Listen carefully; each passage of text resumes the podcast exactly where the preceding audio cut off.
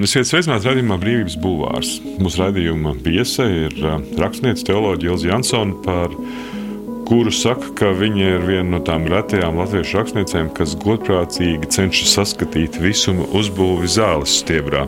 Latvijas Universitātē ieguvusi doktora grādu teoloģijā, publicistiskā pievēršas gan latviešu jaunākajai literatūrai, gan dažādiem ar teoloģiju saistītiem jautājumiem interešu lokā reliģiozitāte un sabiedrības miedarbība, literatūra un feminismu teoloģija. Labdien! Labdien. Ilzi, kas ir tas, ko teikt, kas nodarbina tavu prātu šobrīd? Tas viens jautājums, kas nodarbina manu prātu un kas apvieno visu to, ko es daru, tāda lietu sarka tēma varētu būt, kas apvieno gan to, kāpēc es rakstu, gan to, kāpēc es uh, nodarbojos ar teoloģiju, gan to, kāpēc es metos nodarboties ar literatūras zinātni, ir uh, pavisam vienkārši. Mani nodarbina jautājums par sabiedrības izglītotību. Man šķiet, ka daudzās jomās mūsu sabiedrība nav izglītota. Es jau par to esmu rakstījusi, nu, kaut vai reliģiskajos jautājumos. Mūsu zināšanas ir nepietiekamas. Un man šķiet, ka manās rokās ir visi ieroči, lai pirmkārt uh, sekmētu, lai mēģinātu sekmēt sabiedrības kopumā izglītotības. Nerunāju par saviem studentiem, studenti parasti ir forši. Un otrkārt, uh, Tu gribētu izglītotāku visu, visu, visu sabiedrību. Es gribētu izglītotāku visu, visu, visu sabiedrību. Un vēl viena lieta, kas man uztrauc, ir tas, ka, cik nabadzīga ir mūsu valoda.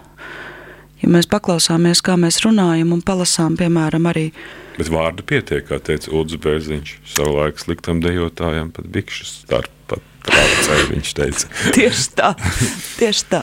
Jā, vārdu pietiek, bet uh, mēs tos neizmantojam. Nes kāpēc?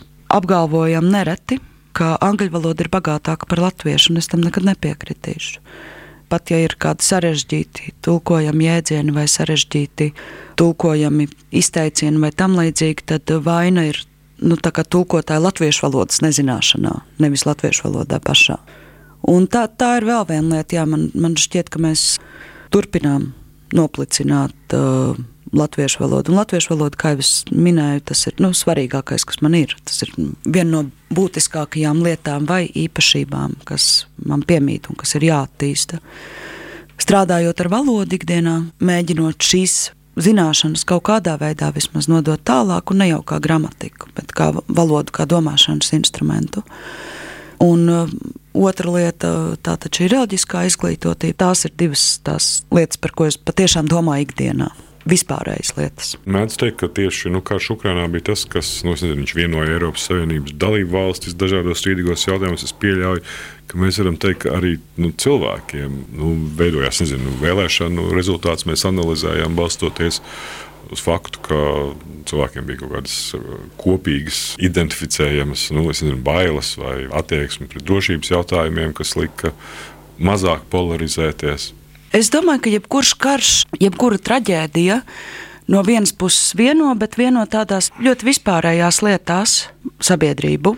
Ja lielās līnijās mēs esam parādījuši to, ka mēs spējam apvienoties un, piemēram, palīdzēt uh, kara bēgļiem no Ukrainas un palīdzēt arī Ukraiņiem, kuri karo, proti, kaut vai es domāju par to pašu, ka mēs sūt, esam sūtījuši gan palīdzību, gan arī Uh, uzņēmuši Ukraiņas uh, kara bēgļus. Tā otra puse, kas parādās, ir piemēram tā izmisīgā cīņa par latviešu valodu. Kā tu viegli vari iedomāties, latviešu, es esmu starp latviešu valodas aizstāvjiem, nu, tā teikt, līdz kapa malai. Nu, tas tomēr ir mans darba instruments, galvenais darba instruments. Bet no otras puses, tā aizstāvība veidojas vispārīgi. Nu, piemēram, bija šī kampaņa Atkrievisko Latviju, Jā, kas starp citu atgādināja kaut ko līdzīgu tai tematikai un tai problemātikai, kas bija kaut kad 80. gadu beigās.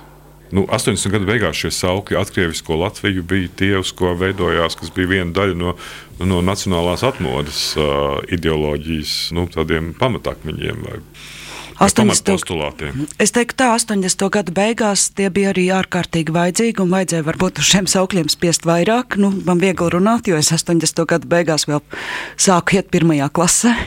Bet šobrīd, pēc 30 gadiem, tas ir kaut kas jau cits un savādāk izklausās. Cits un savādāk tieši kara kontekstā, jo nereti ir bijis tā, ka cilvēki salec vai saviebjas, ja ar viņiem runā krieviski, bet tie, kas ar viņiem runā krieviski, ir kara bēgļi no Ukrainas jo ne visi bēgļi zina angļu valodu. Tad šis absurds, ka, piemēram, mēs izslēdzam krievu valodu kā sarunu valodas iespēju, es piekrītu, ka ar krievalodīgajiem, kas dzīvo šeit 30, 40 un 50 gadus, ka viņiem ir bijis pietiekami daudz laika iemācīties valsts valodu un ka ar viņiem nav jārunā krievu valodā. Bet ar tiem cilvēkiem, kas dzīvo šeit 4, 6 mēnešus, es neuzskatu, ka es nevarētu runāt vai mēģināt sarunāties krievu valodā. Viņiem ir pilnīgi citas rūpes. Viņu tēvi, vīri, brāļi, brālēni ir karā. Šeit ir atbraukuši cilvēki, kur vēlas patvērties no kara. Viņiem ir pabalsts nav mūžīgs, ir jāsameklē darbs ir eh, jāmēģina kaut kādā veidā saprast, ko darīt, piemēram, ar bērnu izglītību, nu, pa kuru laiku viņi mācīsies latviešu valodu. Ilgi domāju, vai karš pats nebūdams metafiziska cīņa, tomēr var raisīt metafiziskus jautājumus. No vienas puses, droši vien būtu jājautā, kādā sasodītā veidā tad karā varētu atklāties esamības struktūras vai kategorijas, un ko tad esamībai piedēvē cilvēki, kas to saista ar karu. No otras, droši vien, ka var, jo diez vai dievišķa atklāsme ir cilvēka ļaunuma ierobežota, kā to itin labi, manuprāt, parāda stāsts par saula atklāsmi ceļā uz Damasku. Ja kaismīgs kristiešu vajātājs varēja piedzīvot dieva atklāsmi un kļūt par apakstulu Pāvilu, tad jau jāpieņem, ka dieva spēkos ir atklājoties mainīt cilvēku ļaunumu. Taču diez vai šāda metafiziska cīņa ir bijusi prātā patriarcham Kirilam, jo, kā skaidrs spriežams, pēc pārējā konteksta viņš runā par atšķirīgām vērtību sistēmām. Žurnālā Rīgas laiks raksta Ilza Jansona. Tādā ziņā karš nevar būt metafizisks. Karam nav nekāda sakara ar metafiziku, karam ir sakars ar cilvēku darbību, ekonomisku, politisku, vēsturisku pārliecību un tā tālāk. Bet uh, karš var raisīt jautājumus, kaut vai elementāro jautājumu, kas es esmu pasaulē. Kaut vai saprotot, ka ir jānostājas uh, kāda pusē, es droši vien šobrīd psiholoģizēju metafiziku, bet uh, saprast uh, to, kurā vietā pasaulē tu stāvi, kurā vietā tu stāvi kaut kādās savās pārliecībās, kāda ir tava attiecība pret pasauli, Nu, piemēram, šādus jautājumus karš noteikti var raisīt. Un ne tikai karā iesaistītajiem, protams, nedomāju, ka karā iesaistītajiem ir daudz laika domāt par metafiziku. Daudz laika domāt par metafiziku ir tiem, kas skatās uz karu no malas. Tu savā gan citā kontekstā rakstīji, ka Dievs nesot konstantu vienību. Ja viņš būtu konstants, tad viņš izslēgtu pilnīgumu, viņš ir nemainīgs un vienlaikus nemitīgi mainīgs. Un līdz ar to katram laikmetam ir savas ētiskās prasības. Kā tu raksturot, kas tad ir tās ētiskās prasības nu, šobrīd, šim laikmetam, pieņemot to, ka mēs dažkārt mēģinām cita laikmeta ētiskās prasības attiecināt uz šo laikmetu. Es domāju, ka universālais, es varu runāt tikai kristīgajā kontekstā, protams, bet es domāju, ka tā joprojām ir universālā. Tā ir ikdienas apziņas līmenī. Vai? Jā, tas strādā, tam vajadzētu strādāt arī ikdienas apziņas līmenī. Tas ir mīlestības savu tuvāko kā sevi pašu.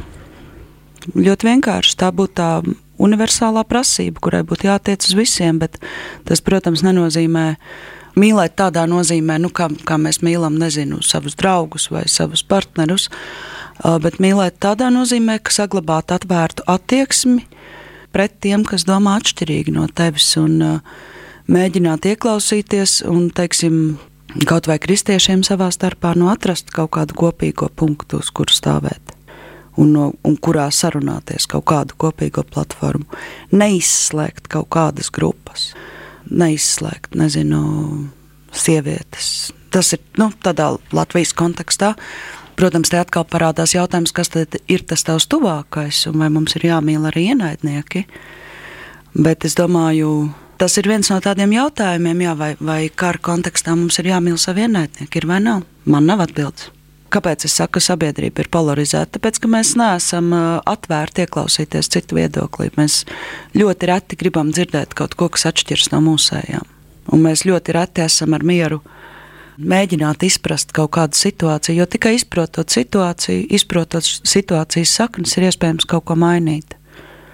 Nu, es domāju, ka Latvijā tādā ziņā ļoti daudz kas ir nokavēts. Nu, ar, piemēram, izglītības kontekstā, ar to, kāda vēsture tika mācīta Krievijas skolās un kāda vēsture tika mācīta Latviešu skolās. Nu, tur bija kaut kādas zināmas atšķirības tajā.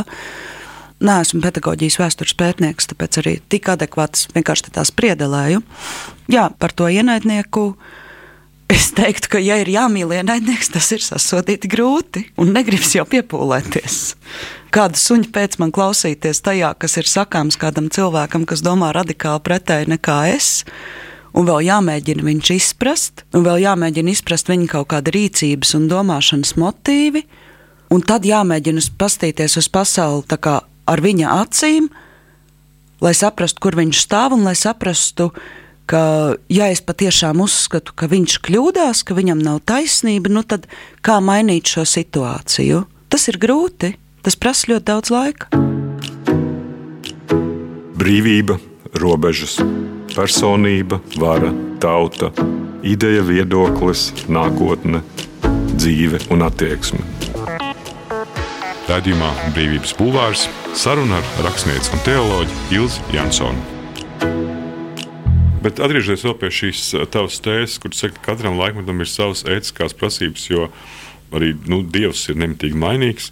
Tā tēze arī ietver to, ka mēs kaut kāda cita laikmeta prasības, dažkārt tieši šīs ētiskās prasības mēģinām reducēt uz šo laikmetu, kaut patiesībā laikmets jau sen ir pa vidu mainījies. Jā, nu, mēs piemēram. piemēram Mēs mēģinām pārnest tiešā veidā kaut kādas senas teoloģiskas, tiešas interpretācijas uz mūsdienu sabiedrību. Mūsdienu sabiedrībā, nu, pie, pieņemsim pats vienkāršākais jautājums - sieviešu ordinācija Latvijas evaņģēlas Lutheriskajā baznīcā. Padomu laikā, starp citu, sievietes varēja kalpot par mācītājiem. Nu, cik nu tas bija iespējams vispār kalpot baznīcā? Un tad piepešī uzņemot šo konservatīvismu virzienu, mēs it kā atsakāmies piederēt tai teoloģijai, kura Eiropā, kamēr mēs bijām okupēti, ir gājusi uz priekšu un attīstījusies, kur ir radušies jauni skaidrojumi dažādām raksturvietām. Mēs spītīgi turamies pie vecajiem skaidrojumiem, mēs spītīgi ievērojam nereti burtisko bībeles interpretāciju un vēsturisko hermenētiku uzskatām par tādu galveno bubuli kas tagad eh, izpostīs to, kas ir mūsu kristīgās vērtības. Un, jā, man šķiet, ka šādā veidā ir jāsaprot, ka pats, pats tas pamats, ja eh, drīkstu pateikt no tāda privāta, kristīga viedokļa, privāta kristīguma varbūt. Uh, liekot lietā arī to, ko es esmu apgūusi teoloģijas studijās un ap, turpinu apgūt joprojām, ka tas veids, kādā Dievs uzrunā sabiedrību, tam tieši tāpēc ir jābūt atbilstošam sabiedrībai, lai mūsdienu cilvēks varētu saprast. Teologu uzdevums ir pārtulkot Dievu tā, lai to varētu saprast mūsdienu cilvēks, lai Dievs mūsdienu cilvēkam būtu dzīvs. Ja ne dzīvs, ok, Dievs var būt arī miris, bet tad ir, tad ir jāmeklē, kur tad viņš ir, nu, kā nīčs ārprātīgajam. Mm -hmm vai jāapzinās, ka mēs viņu esam nogalinājuši. Bet tas, kas manuprāt tiek izdarīts, uh, universalizējot tādas vecas ticības patiesības, kas bija ļoti atbilstīgas, piemēram, 19. gadsimtā vai, vai pat vēl senāk Eiropā, ka tādā veidā Dievs tiek padarīts par tādu mājas kaķīti, par tādu mājas kāmīti, kur, par kuru patiesību zina tikai tie daži izredzētie cilvēki, un kā likums tie ir vīrieši. Tā, tā tradīcija ir tā, ka tie ir vīrieši. Jā, protams. Jautājums ir, vai tradīcija ir uh, spēcīgāka par uh, dzīvo dievu? Es gatavoties sarunai, lasīju pārlasīju sarunu laikrakstā Vācu Dicaitera feminisma filozofu Eliju Heslingeru, kurā kur saka, ka arī jēdziens sieviete ir konstruēts jēdziens, respektīvi, ka tas nav dabīgi dots jēdziens, bet tas ir radīts. Es droši vien varētu piekrist, ka katrā sabiedrībā ir savs priekšstats par to, kas tad ir sieviete un kādai viņai ir jābūt. Nu, mēs nevaram salīdzināt, piemēram, austrumu un uh, rietumu sabiedrības un pateikt, ka ir kaut, kāds, kaut kāda universāla sieviete, kurai ir, vai, vai paķert vēl klāt, piemēram, to pašu kristīgo tradīciju, un tad skatīties, kādai sievietei ir jābūt tur. Man šķiet, ka mēs esam arī šajā feminismu kontekstā nereti runājot par to, kādi tad ir dzimumi un kāds tad ir kurš dzimums un tam līdzīgi. Mēs esam aizmirsuši, ka mūs visus vieno tas, ka mēs esam cilvēki un ka iespējams tās cilvēcīgās kvalitātes būtu jāskatās neatkarīgi no dzimuma. Kas arī ir ļoti grūti. Un kurā brīdī sākās šī nepieciešamība konstruēt šo dzimumu? Tad, ja mēs pieņemam, ka tas ir konstruēts. Jo, ja konstruēts ir, nu, ja sieviete ir konstruēts jēdziens, tad droši vien attiecīgi arī vīrietis. Ir konstruēts jēdziens. Es pieļauju, ka tas varētu sākties tajā brīdī, kad ir nepieciešamība kontekstualizēt, kad ir nepieciešamība saprast, kāpēc, piemēram, viens, viens dzimums ir noteicis to, kā dzīvo otrs. Tas nozīmē, ka kaut kas tajās konstrukcijās ir netaisnīgs. Netaisnīgs no tāda cilvēka aspekta nu, tās cilvēciskās kvalitātes netiek vērtētas kā līdzvērtīgas. Ja mēs pastāvamies, nezinu, vēsturiski, nu, kad sievietes ieguva balstiesības un tā tālāk, un tā tālāk, un tā tālāk. Un tas nozīmē, ka, ja konteksts ir mainījies, tad arī šis konstrukts ir jākontekstualizē. Un līdz ar to jārada jaunas konstrukts, ko tad mēs sapratīsim ar sievieti. Un varbūt man gribētos ticēt, ka mēs jau esam sasnieguši to laikmetu, kad pēc šāda konstrukta iespējams nemaz nav nepieciešamības. Kas ir tieši tas specifiskais katrā no šīm feminismu viļņiem? Ja mēs atrodamies šajā ceturtajā feminisma vilnī, kas ir tie jautājumi, kuri attiecās uz mums, kuri un kuri nu, neatiecās uz mums. Jo mēs arī esam kā, savā ziņā nu, Latvijas sabiedrība, kura ir uh, integrēta kaut kādā kopīgā Eiropas kultūras telpā, kurai ir arī ļoti savas specifiskas iezīmes. Arī tajā, kā mēs nu, izprotam un izprotam runājam un uztveram to, ko reprezentē nu, feminismu idejas. Es teiktu, tā, ka pirms desmit gadiem mēs vēl bijām otrajā vilnī, feminismu vilnī, jo mēs pamatā tomēr runājam par kaut kādām par sieviešu līdztiesību, dažādās ikdienas lietās, par sieviešu līdztiesību darba tirgu. Mēs joprojām par to runājam. Bet uh, tas, ka viņi jau nav tādā ziņā statiski, ka viens beidzās un tad otrs sākas un tam līdzīgi. Un tagad mēs esam savā ziņā trešajā, jo mums uh, piepeši ir redzami gan cilvēki, kur ir. Uh, Jūtas piederīgi pretējam dzimumam, nekā viņi izskatās. Mēs par viņiem esam sākuši publiski runāt. Mums ir redzami homoseksuāli cilvēki, mēs par viņiem esam sākuši publiski runāt. Uh, Un līdz ar to šis dzimtas jautājums un lielā mērā arī šis dzimtas identitātes jautājums ir pacēlies nu, no trešā viļņa. Es teiktu, ka tas, tā, tā ir tā lieta, ko mēs šobrīd redzam tādās tīri sabiedriskās diskusijās. Es noteikti nerunāju par akadēmisko pasauli. Ceturtā viļņa kontekstā man šķiet, ka daļēji mēs par to runājam. Mēs runājam piemēram par to, kā ārsti izturas pret sievietēm, kāda ir, nu, ja mēs uzskatām, ka ceturtais vilnis ir šis tā saucamais mītū vilnis. Bija mēģinājums apkopot kaut kādus mītū stāstus, Bet uh, šis mēģinājums man šķiet tieši tāpēc viņš tā parādījās un pazuda, ka vai nu nebija īstais laiks, vai nu šie stāsti bija tādi, kas neraisīja pietiekami daudz rezonanses vai protestu sabiedrībā neveidoja diskusiju. Nu, proti, uh, veidoja diskusiju par personālijām, bet ne par pašu konceptu, ne par pašu mītu konceptu. Un tas nav noteikti mītu ceturtā feminisma viļņa centrā, ka būtu jārunā par to, nu, par konkrēto personu, jo faktiski runāt par konkrēto personu ir dzeltenās preses uzdevums, nevis feminisma uzdevums. Ilza Jansone ir rakstniece un publiciste, vairāk romānu un akadēmisku publikāciju autore. Latvijas Universitātē ir ieguvusi doktora grādu teoloģijā. Publicistikā pievēršas gan latviešu jaunākajai literatūrai, gan dažādiem ar teoloģiju saistītiem jautājumiem. Viņas interesu lokā ir reliģiozitātes un sabiedrības miedarbība, literatūra un feminismu teoloģija. Socioloģijā nu, nereti uzskata, ka šī tematika, kā feminisms vai dažādi arī eh, ekoloģijas jautājumi ir aktuāli tādās labklājības sabiedrības vēlīnējās stadijās, tā saucamajā postmateriālo vērtību fāzē. Eh, vai tas, ka mums šie jautājumi aktualizējās, nozīmē, ka mēs esam iegājuši vai esam šī labklājības sabiedrība vēlīnajā stadijā, tādā socioloģiskā izpratnē? Grūti komentēt, jo man grūti spriest, cik mēs esam labklājīga sabiedrība. Es domāju, ka mums joprojām ir ļoti liels tāds spraugus starp turīgajiem, tādiem vidēji situētajiem, nu, ar to domājot cilvēkus, kuriem nav jādomā par to, kā viņi nomaksās īri. Spēja savilkt galus un spēja varbūt atļauties arī aiziet uz kino vai aizbraukt kādā ārzemju ceļojumā. Un tad starp tiem, kuriem ir ikdienā jāsavelk galus, un tad jautājums ir tas, kas nosaka toni, par ko mēs runājam. Drīzāk tā, es, es nevaru teikt, ka mēs esam labklājīga sabiedrība. Es noteikti tam nepiekrītu. Es domāju, ka joprojām mēs esam arī te mēs esam sašķelta sabiedrība.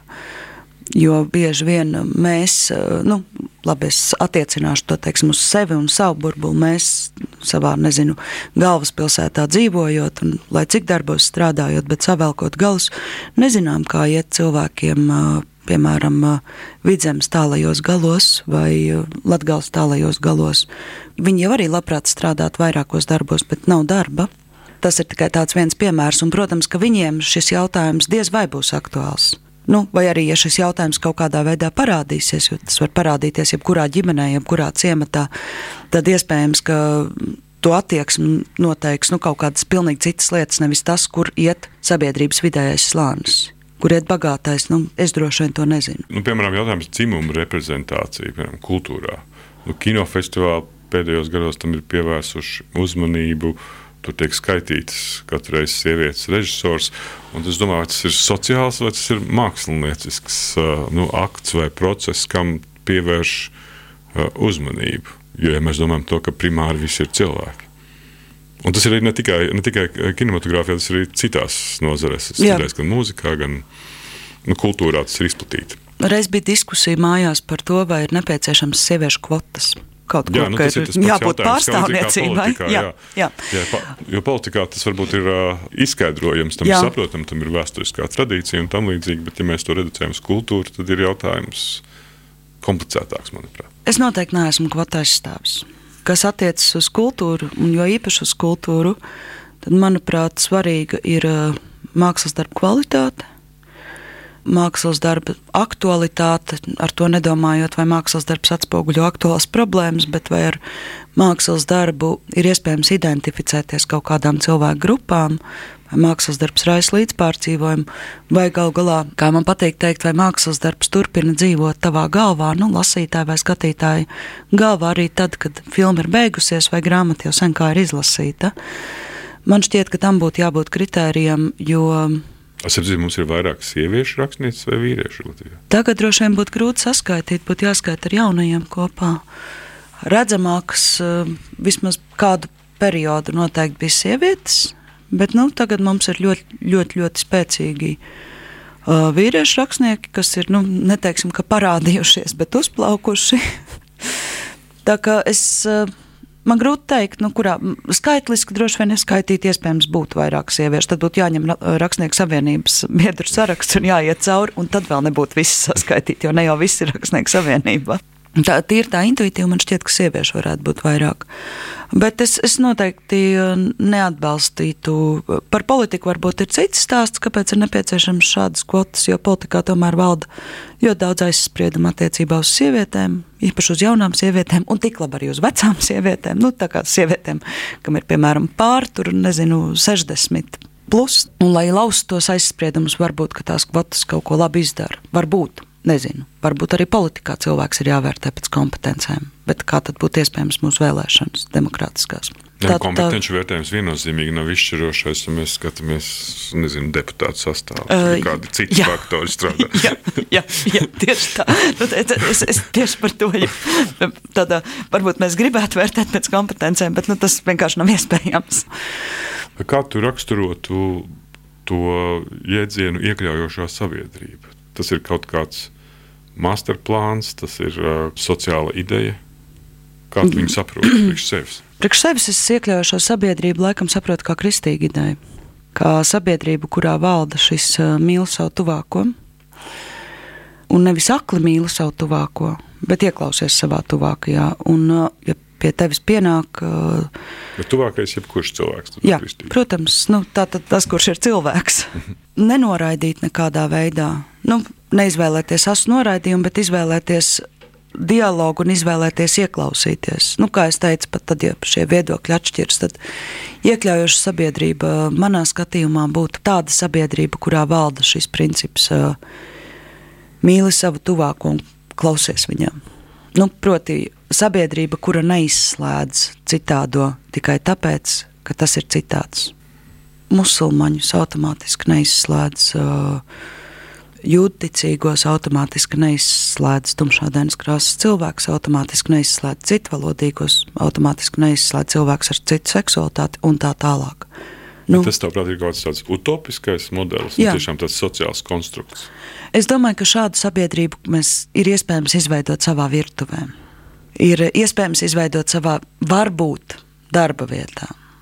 Ja katrā darba vietā un katrā virtuvē tiek izveidota šāda sabiedrība, tad mēs esam tāda sabiedrība.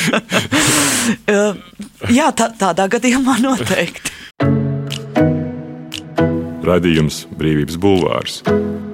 Sarunas par to, kas notiek un ko mēs par to varam domāt. Radījumā Brīvības Bulvārs saruna ar rakstnieci un teoloģi Ilzi Jansonu. Es gribētu ticēt, ka mēs esam demokrātiska sabiedrība, un es gribētu ticēt, ka, ka demokrātiskas vērtības mūsu sabiedrībā ir pietiekami svarīgas, lai turpinātu veidot sabiedrību demokrātiskāku.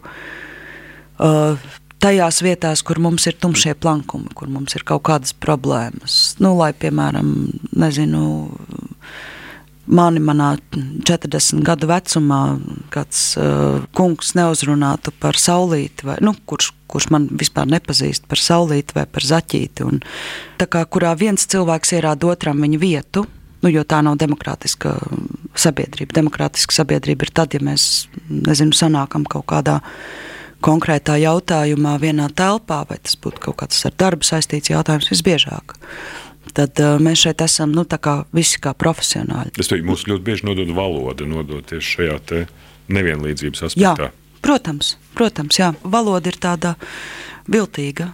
Valoda atspoguļo domāšanu visbiežāk. Tur nu, neko darīt. Tu kā rakstnieks droši vien jūtīgāk redzi par to, nu, kas notiek sabiedrībā, kā mainās. Es teiktu, ka es savā burbulī nezinu, kas notiek citos burbuļos, jo, piemēram, stāstīju kādam radiniekam, uh, par uh, savu sadarbību ar vienu profesoru no Dienvidāfrikas, uh, tad uh, manam radiniekam bija iespējas par to, kā tad Dienvidāfrikā dzīvo. Nu, Nerunāsim par to, ka viņi staigā ar plikiem vēderiem. Ir skaidrs, kā viņus visus sauc un kā tur vispār var būt profesori. Šāda veida, lai arī tas tika teikts, nu, mm, lietojot, protams, uh, N vārdu, tad, uh, lai arī tas tika teikts nu, ar tādu zināmu naivismu, tas tomēr reprezentē kādu domāšanas veidu. Nu, tas reprezentē to, kur dzīvo kāda cilvēka, un tas ir stereotips. Varbūt arī tā ir vienkārši nu, zinu, kaut kāda padomju perioda izglītības sistēma, kurā mums bija vāja zināšanas, zinu, koloniālismu vēsturē par pasauli, kas varbūt ļauj izdarīt dažādus stereotipiskus. Protams, bet tagad mums ir visas izteikumus. iespējas izglītoties koloniālismu vēsturē. Nu, bet jūs teicāt, ka jaunā paudze ir savādāka. Jā, jaunai paudze ir absolūti. Pat uh, kaut kāds mans viedoklis atšķiras no nu, tādas jaunās paudzes, 20 gadnieku viedokļa. Nu, piemēram, par Pepijas garzaķa pārrakstīšanu. Tur mēs neesam viensprātis. Uh, Jo Pepijai Garzaķei, kas bija tēvs, bija tēvs, bija jā, karalis. Jā. Un, un tad es rosināju, ka ir jāliek skaidrojoša zemesvītras piezīme, ko tad nu, Blaumantiņš arī mēs nepārakstīsim. Tad viss, nu, ka to laik tas vienkārši neskaitījās aizvainojošs vārds, un šis vārds arī netiek lietots aizvainojošā kontekstā, kur pretī jaunā paudze uzskata, ka ir jāpārrediģē Lindgrēnas teksts un jāizņem šis vārds ārā ja es tur saskatu problēmu un domāju, ka to var izsināt ar zemesvītras piezīmi, tad savukārt atsaucoties uz šo radinieku, nu, tad mans radinieks tur nu, nesaskat nekādu problēmu. Paldies! Tā bija teoloģija un rakstniece Ilza Jansone, radījums Brīvības bulvārs. Mans vārds Gins Grūbe, radījumu ierakstīja Toms Šits un montēja Nora Mitspapa. Paldies! Paldies! Brīvība ir brīvība. Nevienlīdzība vai taisnīgums, vai kultūra vai cilvēks laime. Tā teica Iesai Berlīns. Sarunas ar brīvas apziņas un ideju cilvēkiem - radījumā Brīvības Bulvārs.